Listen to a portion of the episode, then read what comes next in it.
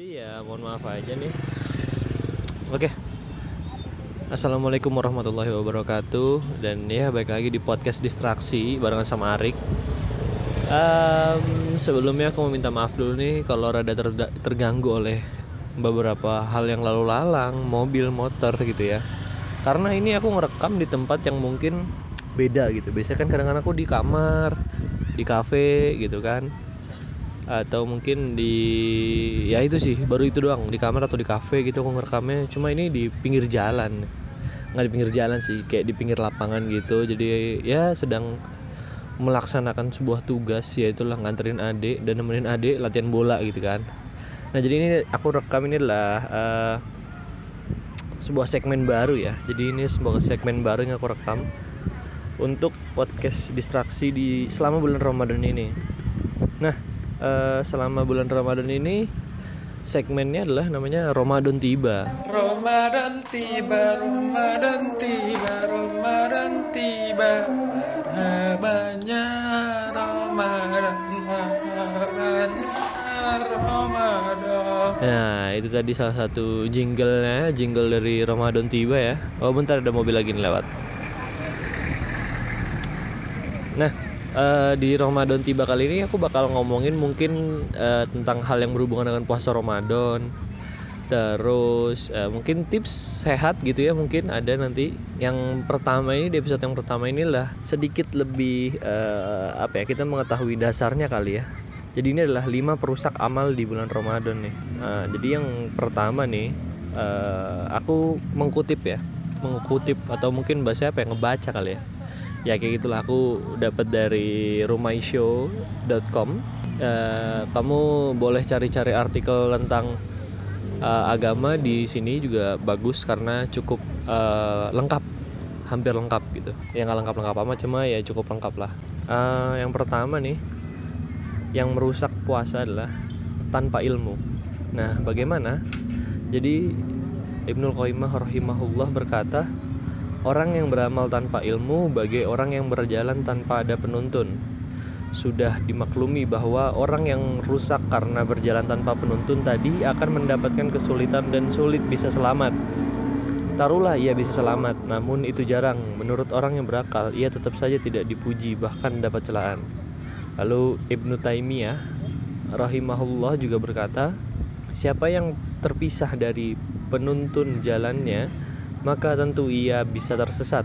Tidak ada penuntun yang terbaik bagi kita selain dengan mengikuti ajaran Rasulullah Shallallahu Alaihi Wasallam. Jadi uh, dalam melaksanakan mungkin ibadah puasa ini kita juga harus tahu nih uh, tuntunannya atau mungkin bahasa kita tuh tata caranya tuh bagaimana.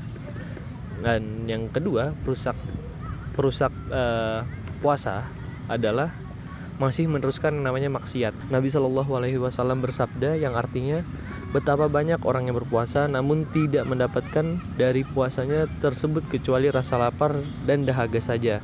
Hadis riwayat Ahmad dan uh, Syekh Syaub Al Arnaud mengatakan bahwa sanatnya jayid.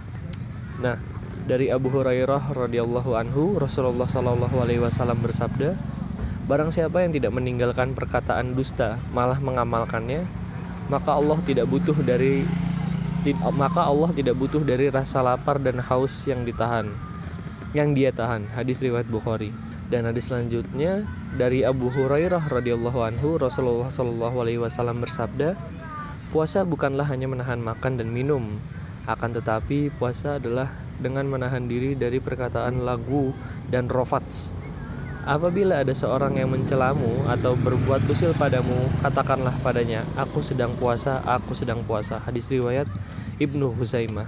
Nah, lagu dan rofats yang tadi dijelaskan itu lagu adalah perkataan sia-sia yang semisalnya tidak berfaedah. Sedangkan rofats adalah istilah untuk setiap hal yang diinginkan laki-laki pada wanita atau dapat pula bermakna kata-kata kotor. Jadi mungkin di sini adalah uh, ya, kesimpulannya yang dimaksud adalah jangan meneruskan maksiat gitu. Ketika bulan puasa tuh mungkin yang namanya gibah terus yang tadi lagu dan rofats berkata-kata yang tidak bermanfaat atau berkata-kata yang sia-sia. Terus rofats ini eh, laki-laki terhadap wanita perkataan laki-laki terhadap wanita. Kadang-kadang kan bulan puasa eh, masih ada kali ya aku nggak tahu juga. Mungkin aku termasuk salah satunya yang di mana ketika mungkin chattingan sama wanita atau mungkin maksudnya ingin menanyakan tugas tapi malah ngegombal gitu kan bahaya gitu kan ya. Terus eh, apalagi ya Eh, berkata-kata kor itu juga menghilangkan eh, apa istilahnya tadi? Merusak merusak amal merusak amal ibadah puasa. Dan yang selanjutnya yang ketiga adalah masih pelit dengan harta. Nah di bulan Ramadan ini adalah waktu yang terbaik untuk berdermawan ya. Menjadi seseorang yang dermawan karena bukan cuma dermawan aja sih. Eh, di bulan puasa ini ya pokoknya harus banyak ibadah terus eh, iya tadi ada mobil lewat eh, pokoknya memperbanyak ibadah baca Quran tahajud gitu sholat-sholat yang lain sunat sunnah yang lain. Dan ya lanjut aja. Kenapa bisa dibilang eh, masih pelit dengan harta itu menjadi perusak dari Ali ia berkata Nabi Shallallahu Alaihi Wasallam waduh nah dari Ali ia berkata Nabi Shallallahu Alaihi Wasallam bersabda Sesungguhnya di, di surga terdapat kamar-kamar yang mana bagian luarnya terlihat dari bag- dari bagian dalam dan bagian dalamnya terlihat dari bagian luarnya. Lantas seorang Arab Badui berdiri sambil berkata, "Bagi siapakah kamar-kamar itu diperuntukkan wahai Rasulullah?" Nabi Shallallahu alaihi wasallam menjawab, "Untuk orang yang berkata benar, yang memberi makan dan yang senantiasa berpuasa dan sholat pada malam hari di waktu manusia pada tidur." Eh, dari hal ini sebenarnya bisa ditarik kesimpulan ya eh, di bulan puasa ini kan banyak nih ya yang namanya apalagi di sosial media juga mungkin kalian yang ikut eh, akun-akun dakwah mungkin akun-akun eh, majelis majelis majelis itu majelis masjid gitu ya. Apa sih namanya? Eh, eh, eh, eh, aku lupa. Remaja masjid gitu kan. Nah biasanya kan rata-rata pada open donasi tuh ya. Buka donasi buat ngasih takjil gitu kan. Nah itu sebisa mungkin sih kalian yang kalau ya meskipun tidak seberapa kalian mungkin bisa kontribusi mungkin eh, dalam bentuk uang bisa kan rata-rata donasinya bentuk uang atau mungkin kurma gitu kan. Atau mungkin juga ngasih makannya gitu kan kayak makan besarnya nasi gitu kan bisa juga. Karena eh, ketika kita ngasih orang buka puasa ngasih maksudnya ngasih takjil gitu ya masih makan orang yang berbuka tuh nanti pahalanya bisa buat bukan buat kita apa bahasanya ya? Pahala puasa mereka tuh pahala kita ngasih makan orang puasa tuh sama gitu sama kayak orang puasa. Yang ngerti lah maksudnya aku rada susah nih ngebahasain ngebahasainnya. Nah selanjutnya adalah perusak yang keempat puasa tetapi tidak sholat. Nah ini dia nih. Sudah tahu puasa Ramadan wajib sholatnya malah ditinggal gitu mentang-mentang yang wajib satu ini udah beres gitu kan ini nggak boleh nih meskipun eh, kalian sudah sholat gitu kan tapi tetap eh kalian sudah puasa tapi tetap harus sholat gitu kan. Karena keduanya ini wajib gitu nggak bisa ditinggalin satu-satu gitu kan.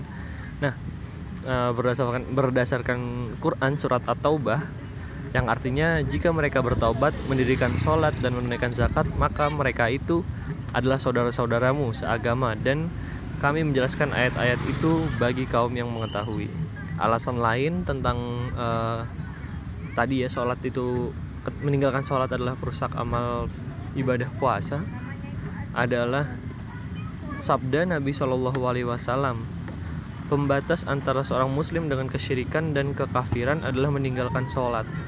Hadis riwayat muslim nomor 82 jadi ya itu sholat itu adalah sebagai batasan gitu. Kalau kata Upin Ipin tuh tiang agama gitu kan.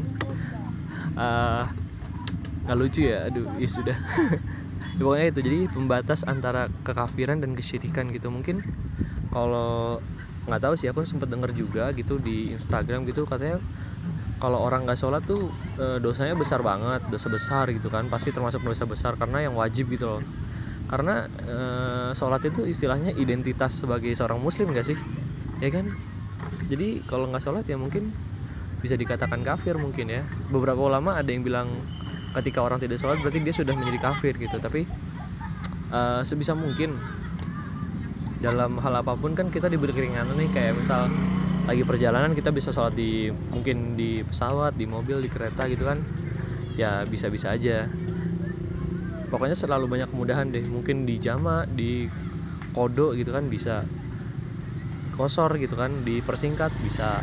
Nah jadi tidak ada alasan lagi buat tidak sholat gitu kan. Nah eh, yang perusak nomor 5 sebenarnya aku sebelum lanjutin lagi nih perusak nomor 5 yang terakhir sebenarnya ini eh, aku bikin konten kayak gini tuh ya mengepasin momen aja gitu. Dan ini sebagai peringatan pribadi sih. Jadi aku cuma berbagi aja. Bukan berarti aku lebih pintar atau lebih itu apa kayak bertakwa beriman. Enggak enggak. Aku enggak gitu cuy. Masih kurang banget gitu pokoknya. Nah lanjut aja nih ya. Rusak yang kelima yang terakhir adalah sholat tarawih super ngebut. Nah ini dia nih kadang-kadang. Kita kan suka nyari masjid yang sholatnya tuh tarawihnya cepet gitu kan. Ya udah kita bahas aja nih. Ini menurut artikelnya.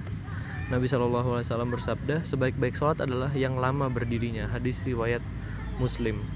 Dan selanjutnya dari Abu Hurairah beliau berkata Nabi Shallallahu Alaihi Wasallam melarang seseorang sholat muhtasiron nah Ibnu, Haj Ibnu Hajar rahimahullah membawakan hadis di atas membawakan hadis tersebut yang tadi aku baca dalam kitab beliau yaitu adalah Bulughul Mahram bab dorongan agar khusyuk dalam sholat. Sebagian ulama menafsirkan tadi yang kata-kata muhtasyiron, muhtasyiron dalam hadis di atas adalah sholat yang ringkas terburu-buru. Tidak ada tumak nina ketika membaca surat, ruku dan sujud. Jadi mungkin uh, ya sholat itu kan lebih ini ya biar khusyuk kan kadang-kadang kita bacaannya gitu diperhatikan panjang pendeknya tajudnya ya. Sebenarnya aku juga belum istilahnya apa ya belum benar semua gitu mempraktekkan banget juga belum gitu kan. Kadang-kadang ya beberapa kali pasti kalian kalian jangan kalian deh aku pernah juga sih kayak yang namanya buru-buru gitu. Karena emang ada kepentingan atau apa tapi ya itu sebenarnya tidak boleh gitu kan jadi ini sebagai peringatan pribadi dan juga berbagi aja sih tentang hal itu dan ya itu adalah lima Cia, itu adalah lima uh, lima perusak amal ibadah di bulan Ramadan gitu ya. Jadi sebisa mungkin jangan pernah merusak apa yang sedang dikasih C gitu. Pokoknya intinya uh, ya lakukan yang terbaik di bulan Ramadan ini karena kita nggak tahu bulan ta bulan bulan depan. Tahun depan kita bakal ketemu Ramadan lagi apa enggak gitu kan. Jadi istilahnya ini tuh momen yang momentum terbaik gitu. Meskipun bilang momentum terbaik tapi ya setelah Ramadan juga semoga aja yang sudah dijaga-jaga kayak ngegibah kayak tidak berkata kot apa berkata-kata kotor itu kita jaga gitu kan. Maksudnya tidak berkata kotor salah aku ntar berkata kotor dijaga lagi. Kan aneh gitu kan. Jadi ya pokoknya semoga setelah Ramadan lagi nanti uh, ya tetap seperti Ramadan gitu meskipun tidak puasa gitu ya. Meskipun di sore-sore tidak ada tukang kolak ya. Ya udah paling gitu aja kali ya di podcast distraksi kali ini di segmen Ramadan tiba. Ramadan tiba Ramadan tiba Ramadan tiba Ramadan